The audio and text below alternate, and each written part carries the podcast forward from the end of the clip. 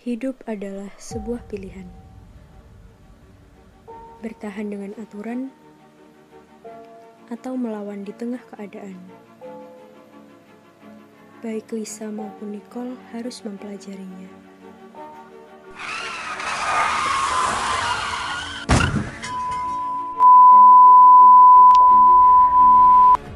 Selamat sore pemirsa.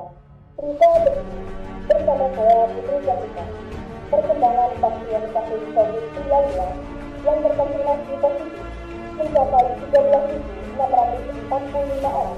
Korban dirujuk ke rumah sakit Dr. Wahidin. Selanjutnya, petugas evakuasi juga menggunakan APD dalam menjalankan tugasnya, sehingga dapat mencegah penularan COVID-19.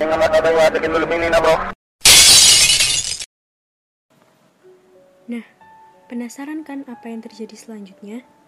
Jangan sampai ketinggalan dan jangan lupa follow akun podcast kami.